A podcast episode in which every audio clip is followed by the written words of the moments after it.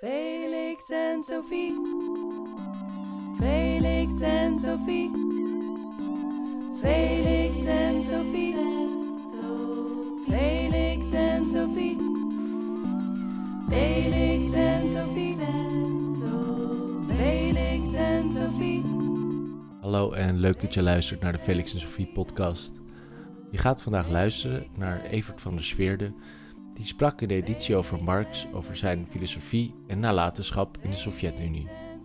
Veel luisterplezier. Felix en Sophie. Felix en Sophie. Felix. Ehm goedenavond en dank voor de uitnodiging om hier vanavond wat te vertellen over Marx. En dan vooral Marx in verband met Rusland en de Sovjet-Unie. Ehm, ik heb een handout uitgedeeld. Daar staan de hoofdpunten van mijn verhaal op, maar ook nog wat andere details. Ik zou dat niet bij gaan houden, maar dat is eh, voor later als je er nog een keer naar wil, eh, wil kijken. Ehm, de Duitse filosoof Hegel die schreef ooit: Man kan heute niet meer Platoniker oder Epicureer zijn.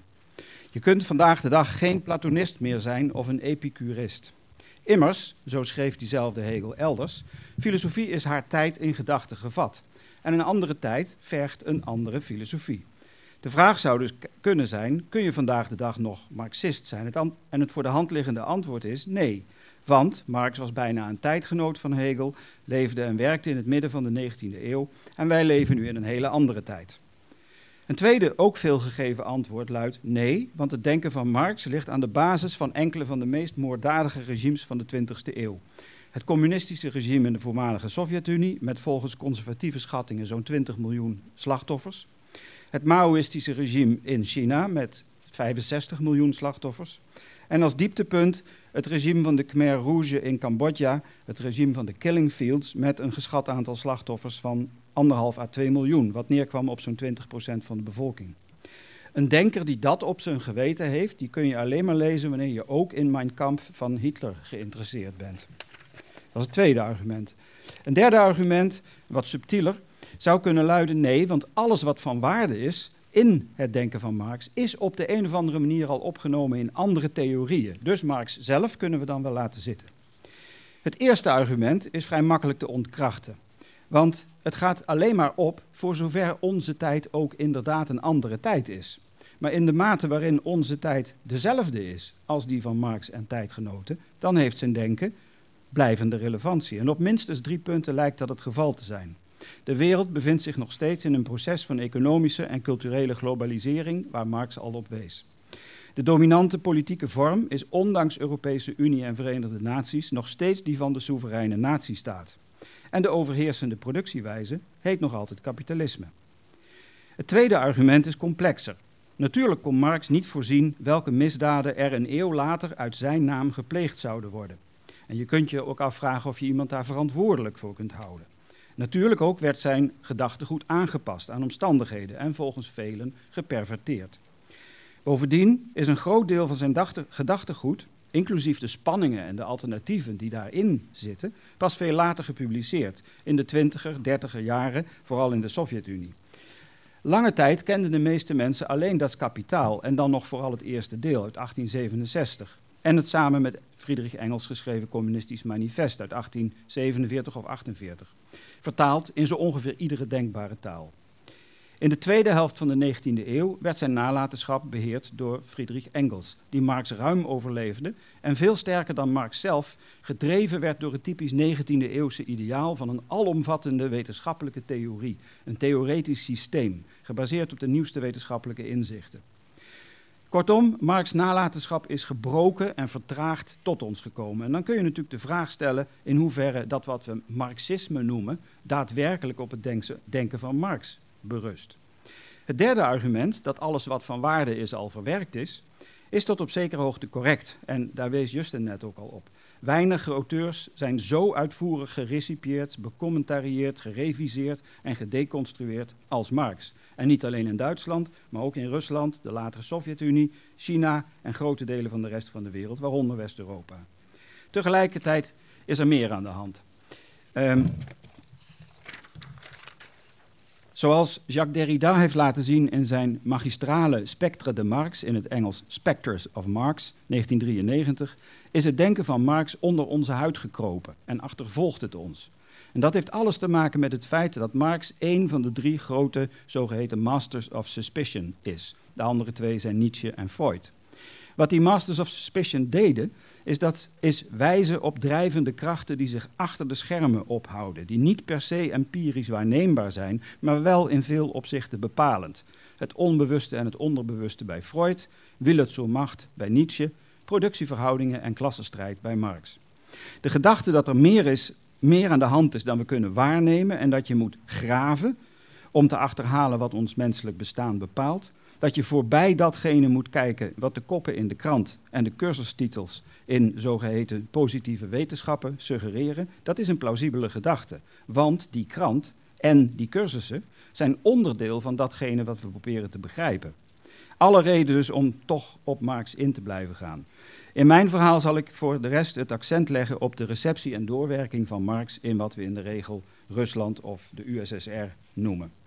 Eerst wat over Marx, Marxisme en dan Marxisme-Leninisme. Ik wil beginnen met het markeren van wat ik denk dat in ieder geval drie echt waardevolle elementen zijn in het denken van Karl Marx. De eerste is de gedachte van religie als opium van het volk. Niet voor het volk, maar van het volk. Religion is het opium des volkes. Dit betekent nog dat, is, dat dit alles is wat er over religie te zeggen valt. Dat dachten Marx en Engels ook helemaal niet. Nog dat er niet andere vormen van opium van het volk kunnen zijn. Waaronder letterlijk opium zelf en de derivaten daarvan, zoals heroïne. Het punt is dat een samenleving waarin de factor arbeid systematisch wordt uitgebuit, een of andere effectieve vorm van compensatie of troost moet bieden. Dat kan religie zijn, dat kunnen recreatieve drugs zijn, dat kunnen complottheorieën zijn, dat kan fitness zijn, kan van alles zijn, maar er moet opium zijn om de zaak draaiende te houden. Tweede element, de globalisering of de internationalisering van de politieke economie. Iemand als Hegel, net genoemd, wees daar al op, maar bij Marx en Engels vind je dat in bijvoorbeeld het Communistisch Manifest heel expliciet uitgewerkt. En daarin bevinden wij ons nog steeds. Een derde punt, kapitalisme verandert alles wat het aanraakt in een waar, in een commodity in het Engels. De warenvorm uh, warenvorm in het Duits, de commodity vorm, of in het Nederlands zou je kunnen zeggen de goederenvorm, dus in brede zin, inclusief diensten, is de universele vorm van de kapitalistische productiewijze. Menselijke arbeidskracht, nieuws, politiek, liefde, relaties, alles wordt een commodity. Iets wat verhandelbaar is, iets wat geld waar, waard is, iets waar, zoals we vandaag de dag zeggen, een prijskaartje aan hangt. Um, dat leidt tot de veelberoemde, de veelgenoemde homo economicus, bij Foucault bijvoorbeeld. Dat leidt tot het idee van het entrepreneurial self, het idee dat je je eigen onderneming bent, je eigen kapitaal moet realiseren, etc. Wij als hoogleraren aan een universiteit moeten onze studenten vertellen dat ze toch vooral moeten blijven investeren in hun eigen intellectuele kapitaal. Want dat moet straks op een markt gebracht worden. De wording van het marxisme in Rusland is een verhaal apart. En het is een heel lang verhaal, dat ga ik natuurlijk niet allemaal vertellen. Allereerst een opmerking. De koppeling van theorie aan praktijk, die kenmerkend is voor dat Russische marxisme, is niet exclusief Russisch. Dat vond in Europa ook al plaats. Sterker, dat was onderdeel van het programma van Marx en Engels. En de strijd om theoretische autoriteit in de eerste internationale, de IWA, International Workers Association, opgericht in 1864. En dat communistisch uh, manifest speelt daar een centrale rol in, in die discussies. Dat is een poging om de theoretische, om de theoretische autoriteit naar je toe te trekken, om zo maar te zeggen. Tegenover mensen als de anarchist uh, Bakunin bijvoorbeeld, of de Franse socialisten, mensen als Proudhon.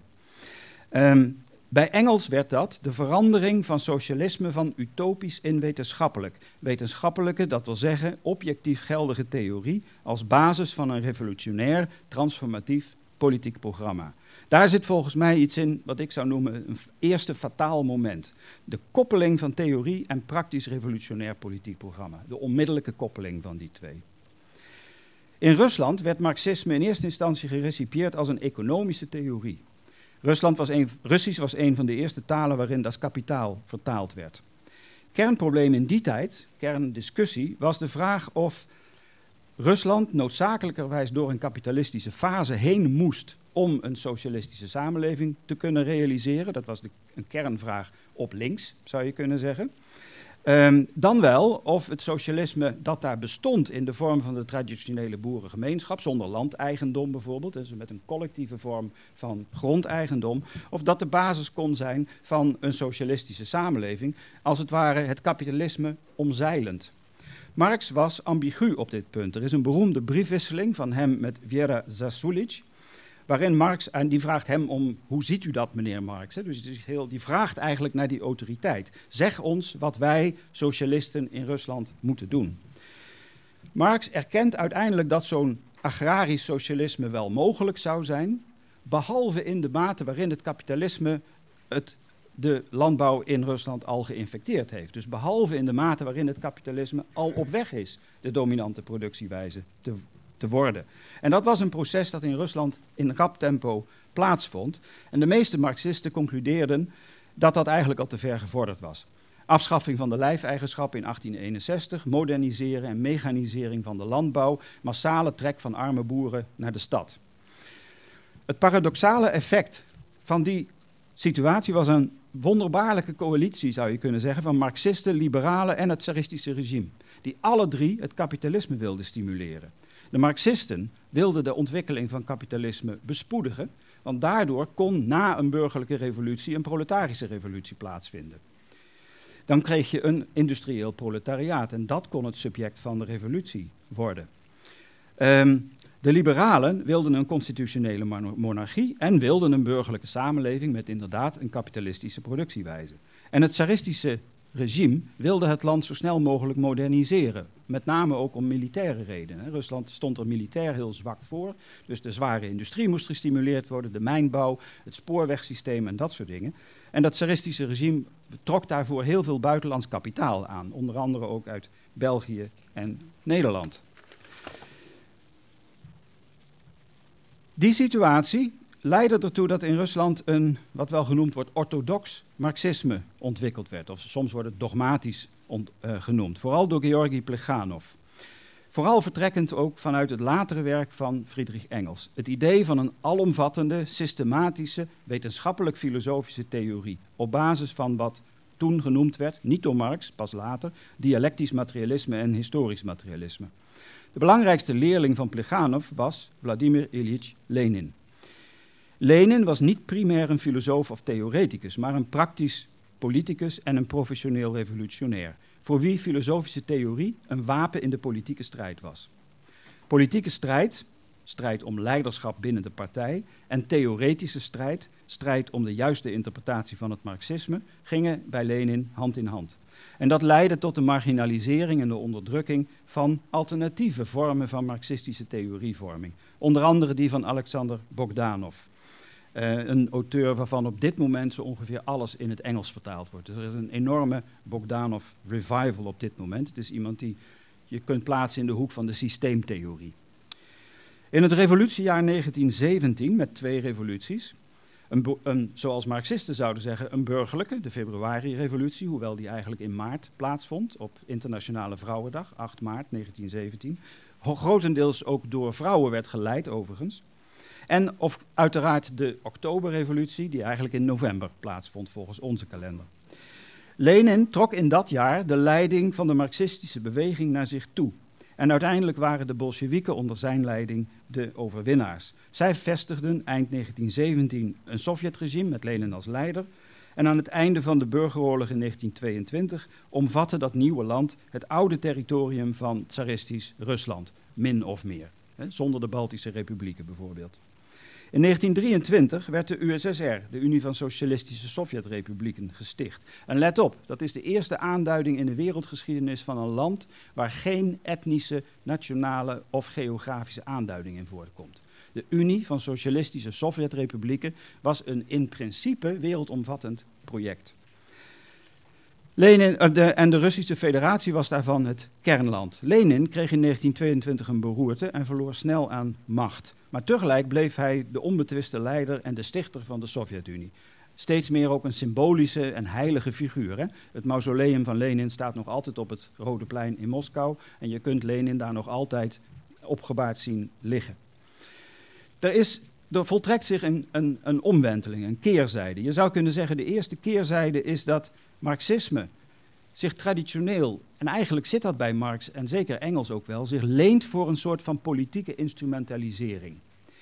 Maar de tweede gevolg, het gevolg daarvan, en dat is de keerzijde van de keerzijde van dat marxisme, is dat, dat dat marxisme zelf met terugwerkende kracht in discrediet brengt. In de jaren twintig, ik heb het volgende stukje, heb ik het, de titel gegeven Socialisme in één land als verraad. In de twintiger jaren trok Stalin steeds meer macht naar zich toe en profileerde zich als de legitieme opvolger van Lenin. De verwachte wereldrevolutie bleef uit. Mensen als Lenin en Trotsky dachten, dat dat, dachten oprecht dat dat een kwestie van maanden was, die wereldrevolutie. Hooguit een paar jaar. Dus dat was een mislukt experiment, die wereldrevolutie. Zoals ook de vele experimenten met arbeiders zelfbestuur en democratie van onderop, de zogeheten Sovjets of raden, mislukten of, preciezer, door de Bolsjewieken meteen de kop werden ingedrukt. In plaats daarvan werd de gedachte dominant dat met geweld, zo nodig, ingezet moest worden op constructie van socialisme in één land. Alfabetisering, verbreiding van onderwijs, elektrificatie, industrialisering, gedwongen collectivisatie van de landbouw, afschaffing van privé-eigendom over de productiemiddelen, dat werd socialistische eigendom, wat feitelijk neerkwam op staatseigendom. Vandaar dat veel mensen de naam staatskapitalisme aan dat systeem gegeven hebben. Het is belangrijk om hier in de gaten te houden dat vanuit een marxistisch perspectief socialisme en communisme heel verschillende dingen zijn. De USSR, de Unie van Socialistische Sovjetrepublieken, werd geleid door de CPSU, de Communistische Partij van de Sovjet-Unie, die tot doel had een socialistische samenleving te realiseren met het oog op een uiteindelijk doel, namelijk een communistische heilstaat, waarin alle vormen van eigendom verdwenen zouden zijn, waarin geld, staat en religie niet meer zouden bestaan en er ook niet meer zoiets zou zijn als landen of staten of politieke partijen. Of politiek conflict. Immers, de klassenstrijd zou dan definitief uh, ten einde zijn. Er blijven natuurlijk misschien dan conflicten tussen mensen, maar dat gaat altijd over, over dingen als uh, werp jouw boom niet te veel schaduw op mijn tuin. En dan kun je vervolgens zeggen, ja, maar eigenlijk is die boom van ons allemaal, dus die kan niet op jouw tuin schaduw werpen, want jouw tuin is niet jouw tuin meer. Daar zit dus een, en dat is denk ik een heel serieus punt. En dat is een, een, je zou kunnen zeggen, een erfelijke ziekte van het marxisme. Daar zit een principiële ontkenning in van de legitimiteit van politiek conflict, zou ik zeggen. Op termijn, hè? Op, de lang, op korte termijn is natuurlijk klassenstrijd all over the place, maar op lange termijn is er een ontkenning van legitimiteit van conflict. Die communistische toekomst, die werd steeds verder vooruitgeschoven. De naam was, in de Sovjet-Unie zelf, ontwikkeld socialisme. En dat ontwikkelde zich een jaar of zeventig. Daarbuiten was vaak de term reëel bestaand socialisme. Vaak met de connotatie: dit is wat je krijgt wanneer je zelf benoemde socialisten aan de macht laat komen.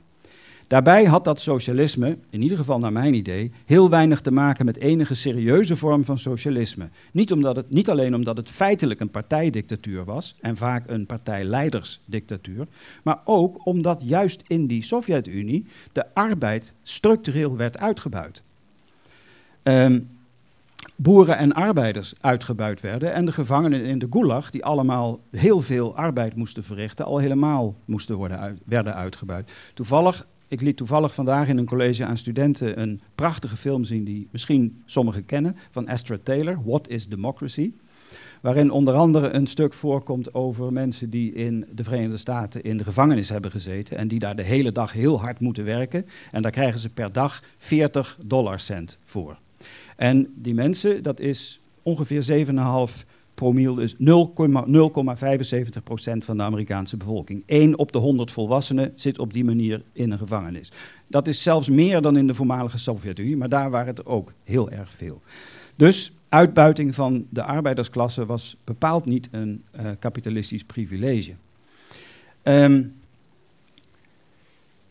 wie dus zegt, wie dus zegt dat in 19, dat hoor je heel veel, hè? wie dus zegt dat in 1989 of in 1991 het socialisme werd afgeschaft, of dat Rusland tot 1991 communistisch was, die moet zich dus wel afvragen wie zij of hij naar de mond aan het praten is. Marxisme-Leninisme is een Russische uitvinding of een Sovjet-uitvinding, als je wil. Lenin beschouwde zichzelf als een trouw volgeling van Marx, Engels en Pleganov, zonder dat hij filosofische originaliteit claimde. Hij paste wel de marxistische theorie aan aan inmiddels veranderde omstandigheden, bijvoorbeeld de overgang van kolonialisme naar imperialisme. En hij ontwikkelde als eerste Marxist een uitgewerkte politieke theorie in Staat en Revolutie uit 1917, waarin hij de staat duidde als slechts een instrument in handen van de heersende klasse. Tot de revolutie is dat de bourgeoisie, na de revolutie is dat het proletariaat. Vandaar het begrip dictatuur van het proletariaat, dat je bij Marx ook vindt, maar dat bij Lenin veel meer uitgewerkt wordt. En let op, die dictatuur was bedoeld of gedacht als een tijdelijk fenomeen. Immers, met de overwinning van het proletariaat is de klassenstrijd in principe ten einde. Dus die dictatuur hoeft slechts zo lang te duren tot de restanten van de bourgeoisie weggewerkt zijn, al dan niet vrijwillig. Het proletariaat is in die zin in het marxistische schema de laatste klasse in de klassenstrijd en dus uiteindelijk gewoon de mensheid. De uitdrukking Marxisme-Leninisme is een label dat enkele jaren na Lenins dood gecreëerd werd in de Sovjet-Unie. Marxisme-Leninisme werd dan gedefinieerd als Marxisme van de tijd van het imperialisme en de opbouw van het socialisme. Dat was een wapen in de internationale klassenstrijd in de Tweede Wereldoorlog, in de Koude Oorlog. Tegelijk was de claim dat het Marxisme-Leninisme de leidende theorie van de Communistische Partij en van de Sovjet-Unie was. En dus moest het volk daarin onderwezen worden. Verplichte cursussen, wetenschappelijk communisme, dialectisch en historisch materialisme, etc. Door de centrale rol van dat Marxisme-Leninisme als officiële ideologie en de geclaimde filosofische grondslag van die ideologie, namelijk dialectisch en historisch materialisme, was er geen legitieme plek meer voor andere vormen van filosofie, behalve bijvoorbeeld in de vorm van geschiedenis van de filosofie. En al helemaal niet voor andere vormen van marxistische filosofie. Dus allerlei vormen van religieus idealisme werden in de marge soms nog enigszins getolereerd. Maar marxisme was natuurlijk een potentiële bedreiging. Daar zit volgens mij een tweede fataal moment dat te maken heeft met de overgang van de ideologie naar een deel van het staatsapparaat. Ideologie wordt onderdeel van wat iemand als Althusser zou noemen een ideologisch staatsapparaat. Dat is het fatale moment nummer twee, de koppeling van theorie en regime. Een ideologie die verandert van aanvankelijk motiverend en inspirerend in puur legitimerend en rechtvaardigend. Dat betekende de onderdrukking van alternatieve theorieën binnen de Sovjet-Unie en ook binnen de satellietstaten. Het betekende de export van dat marxisme-leninisme naar buiten de USSR, bijvoorbeeld via de Moskou getrouwe communistische partijen, onder andere ook in Nederland. De het betekende ook, en dat is misschien het ergste zou je kunnen zeggen, de uitsluiting van de creatieve ontwikkeling van dat marxisme zelf in de voormalige Sovjet-Unie. En George Lukács, waar het straks over gaat, was zelf ook een van de slachtoffers van die ontwikkeling. En het betekende al helemaal een verbod, zou je kunnen zeggen, of een taboe, op de toepassing van marxistische theorie op de USSR zelf. Op de productiewijze die daar dominant was geworden, inclusief op de rol van de filosofie daarbinnen. Ik zou daar een heleboel namen kunnen noemen, maar die zal ik nu niet noemen. De vraag waar dit toe leidt, als je die geschiedenis bekijkt, is de vraag naar de verhouding tussen het badwater en de baby. En welke van de twee moet je redden? De neergang, er is een duidelijke neergang op een gegeven moment rond 1990, maar al zeker een jaar of tien eerder begonnen, van dat systeem dat zich beriep op Marxisme-Leninisme. Dat Sovjet-systeem boekte aanvankelijk grote successen, overwinning in de Tweede Wereldoorlog, een ruimtevaartprogramma, een onderwijssysteem voor de hele bevolking, geleidelijke welvaartsgroei ook, maar met een hele hoge prijs in termen van mensenlevens. En uiteindelijk liep dat systeem, ik zou toch altijd nog zeggen, zelf vast. Dus er was natuurlijk ook heel veel druk van buitenaf, maar ik denk dat het ook zelf stagneerde, zoals dat later in de Sovjet-Unie zelf ook genoemd werd, stagnatia. Dat ging gepaard dat systeem met een onderdrukking en in toenemende mate van iedere vorm van serieuze oppositie. Filosofische oppositie en politieke oppositie, allebei. En we kennen allemaal de verhalen over de dissidenten, en dat waren mensen van zeer verschillende pluimage, van links tot rechts. Interessante figuur daar bijvoorbeeld is Alexander Zinoviev, die een uitgesproken Marxist was en die zich eigenlijk afvroeg: oké, vanuit Marx, hoe moeten we dan nadenken over de Sovjet-Unie zoals die werkelijk bestaat? Nou, daar bleef niet heel veel van over. Er vond een blijvende koppeling plaats van het bestaande politieke en economische systeem met dat Marxisme-Leninisme. Officieel was de claim, zelfs nog bij iemand als Mikhail Gorbachev, de claim was dat het beleid en de politiek van de USSR, zowel binnen als buitenlands, gemotiveerd en gestuurd werden door marxistisch-leninistische theorie. Maar feitelijk was het zo dat iedere vorm van beleid of politiek gelegitimeerd en gerechtvaardigd moest worden in marxistisch-leninistische termen. Het werd dus zelf een officiële ideologie met een soort ideologie eroverheen, namelijk dit is onze leidende visie. Daar, zit, daar ontstaat een derde, zou ik zeggen, fataal moment. De gelijkstelling van een theorie met een systeem dat zich zegt op die theorie te baseren. Dat is net zoiets als zeggen: het christendom is precies hetzelfde als de Inquisitie en het Vaticaan. Of islam is hetzelfde als ISIS. Of orthodox christendom is hetzelfde als het Moskouse patriarchaat op dit moment. Dat zijn allemaal gelijkstellingen die niet werken. Brengt me bij een bijna laatste punt: de crisis van links. Ik, ik geef als eerste een citaat van Chantal Mouffe, een van de neo-Marxistische auteurs. It is unlikely that Marxism will recover from the blows it has suffered. Not only the discredit brought upon the Soviet model by the analysis of totalitarianism, but also the challenge to class reductionism posed by the emergence of new social movements. Ik denk zelf dat met name dat tweede het grootste probleem is. Maar het is tegelijk wel zo dat op de linkerzijde van het politieke spectrum al steeds minder mensen geloofden in, die, in dat socialisme slash communisme Sovjet-stijl. Vooral sinds 1956, 20e partijcongres en de inval in Hongarije. Sinds 1968, de inval in Tsjechoslowakije. De aansturing van de communistische partijen vanuit Moskou, ook in Nederland, leidde niet tot de overwinning van die partijen, maar juist tot hun politieke marginalisering. De vraag is dan waarom links zo te lijden heeft gehad onder het bestaan van een systeem dat claimde zich op marxisme te baseren, maar tegelijk weinig te maken had met enige vorm van socialisme en dat van het communisme een verre droom gemaakt had. De hypothese zou kunnen zijn: linkse politieke partijen en sociale bewegingen hebben behoefte aan een motiverend, verenigend ideaal. Een visie die verschillende groepen bijeen kan brengen in een grote coalitie die in staat is de bestaande orde te transformeren. Dat vereist een groot narratief. En grote narratieven zijn in diskrediet geraakt. Los daarvan zijn er veel sociale bewegingen die kandidaatleden zouden kunnen zijn van zo'n grote coalitie, die zich vooral richten op deelbelangen en deelproblemen. Terug naar af. Marxisme in Sovjet- en post-Sovjet-Rusland. Marxisme was daar in toenemende mate een legitimerend onderdeel van het regime geworden. Weinig tekst is filosofisch gezien zo saai als filosofische teksten uit de vroege tachtiger jaren. Ik ben in Moskou student geweest in die tijd en ik weet waar ik het over heb.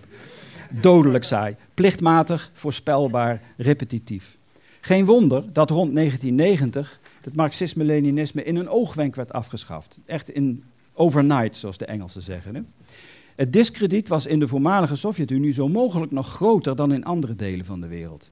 Tegelijk liet die dominante ideologie, dat Marxisme-Leninisme, een gat achter. Een zogeheten ideologisch vacuüm, dat vervolgens gevuld werd met een aantal alternatieve grote narratieven. En dat wijst naar de situatie nu met president Poetin.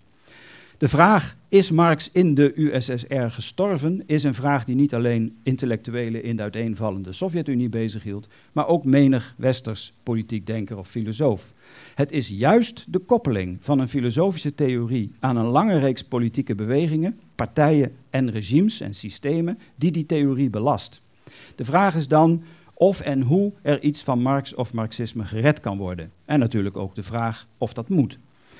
Interessant is dat juist in het huidige Rusland, en dan bedoel ik 21e eeuw, op allerlei plekken nieuwe aanzetten te vinden zijn om marxistische theorie toe te passen op de wereld vandaag, van vandaag. Zowel op Rusland zelf, met zijn nieuwe vorm van oligarchisch en neoliberaal staatskapitalisme, als op de wereld als geheel. En daarbij hebben Russische academici natuurlijk het voordeel dat ze die traditie heel goed kenden, want ze moesten die teksten ongeveer uit hun hoofd leren. Kom bij mijn conclusie. Ten eerste, ik denk dat je drie fatale momenten kunt markeren. De koppeling, de onmiddellijke koppeling van een theorie aan een praktisch revolutionair programma. Twee, de koppeling van een theorie aan een regime. En derde, de gelijkstelling van een theorie met een systeem dat zich zegt op die theorie te baseren. Dan zijn er denk ik drie structurele zwakten in dat marxisme. Eén is wat je zou kunnen noemen het messianisme, dus het idee van we zijn op weg naar een glorieuze toekomst. En die is historisch onafwendbaar. Twee, de uiteindelijke ontkenning van politiek conflict. De tendentiële zou je ook kunnen zeggen, ontkenning van legitimiteit van politiek conflict. En drie, de reductie van strijd tot klassenstrijd. Ik denk dat dat laatste op dit moment heel erg een probleem is. Dat marxisten, geschoolde marxisten, vaak zichzelf gedwongen zien om andere vormen van strijd, feminisme, antiracisme en dergelijke, om te duiden in termen van klassenstrijd. En daarmee verliezen ze vaak een belangrijk deel van hun uh, publiek. Dan zou je kunnen zeggen, dan zijn er drie pogingen mogelijk om het marxisme te redden. Ontkoppeling van theorie en praktijk. Nou, daar zit misschien een mooi verband naar die discussie binnen de SP hier in Nederland. Mag je aan theorie doen zonder dat je de verdenking op je, roept dat, op je werpt dat dat onmiddellijk tot praktische consequenties zou moeten leiden? Het loslaten van dat messianisme, van die teleologie en van dat historisch determinisme, het idee dat socialisme een historisch onvermijdelijk fenomeen zou zijn. Revolutie en verandering, zou ik zeggen, zijn niet onontkoombaar. Radicale, een derde punt, een radicale ecologische herbezinning ter vervanging van het vooruitgangsoptimisme ten aanzien van techniek en industrie dat je bij het klassieke marxisme ziet. Interessant is dat daar af en toe gewezen wordt op Friedrich Engels als iemand die daar een soort van rehabilitatie zou kunnen ondergaan. De vraag is dan waarom zou je dat allemaal willen? Ik denk dat het antwoord is, mogelijk antwoord, omdat er nog altijd schreeuwende behoefte is aan enerzijds een theorie die laat zien dat onze sociaal-economische en politieke en ook ecologische realiteit bepaald wordt door krachten die niet onmiddellijk zichtbaar zijn. Waardoor we ons bijvoorbeeld verkijken op zoiets als nationale soevereiniteit. Alsof het bestaan van een veelheid van landen, de gekleurde vlakken op een wereldkaart, alsof dat een soort van primair gegeven zou zijn. Terwijl het feitelijk een historisch gegroeid onderdeel is van de moderne en laatmoderne samenleving. Anderzijds is er ook dringend behoefte, denk ik, aan een alomvattende theorie die laat zien hoe de huidige toestand van de wereld niet een natuurnoodzakelijk of een historisch noodzakelijk gegeven is, maar een contingent resultaat van processen die ook anders kunnen verlopen. Kern is dus, de huidige wereldorde, inclusief de laatkapitalistische productiewijze, is niet een noodzakelijk gegeven. En voor zo'n theorie, die gericht is op de mogelijkheid van transformatie, niet de noodzakelijkheid van transformatie, maar de mogelijkheid, inclusief radicale transformatie, een ander woord voor revolutie, daar is denk ik de marxistische traditie zowel een blijvende bron van inspiratie, als ook een belangrijke verzameling waarschuwingen en, je zou kunnen zeggen, fouten. En precies dat is juist een reden om die traditie niet links te laten liggen, maar te gebruiken om de huidige rechtse realiteit links in te halen. Dank u wel.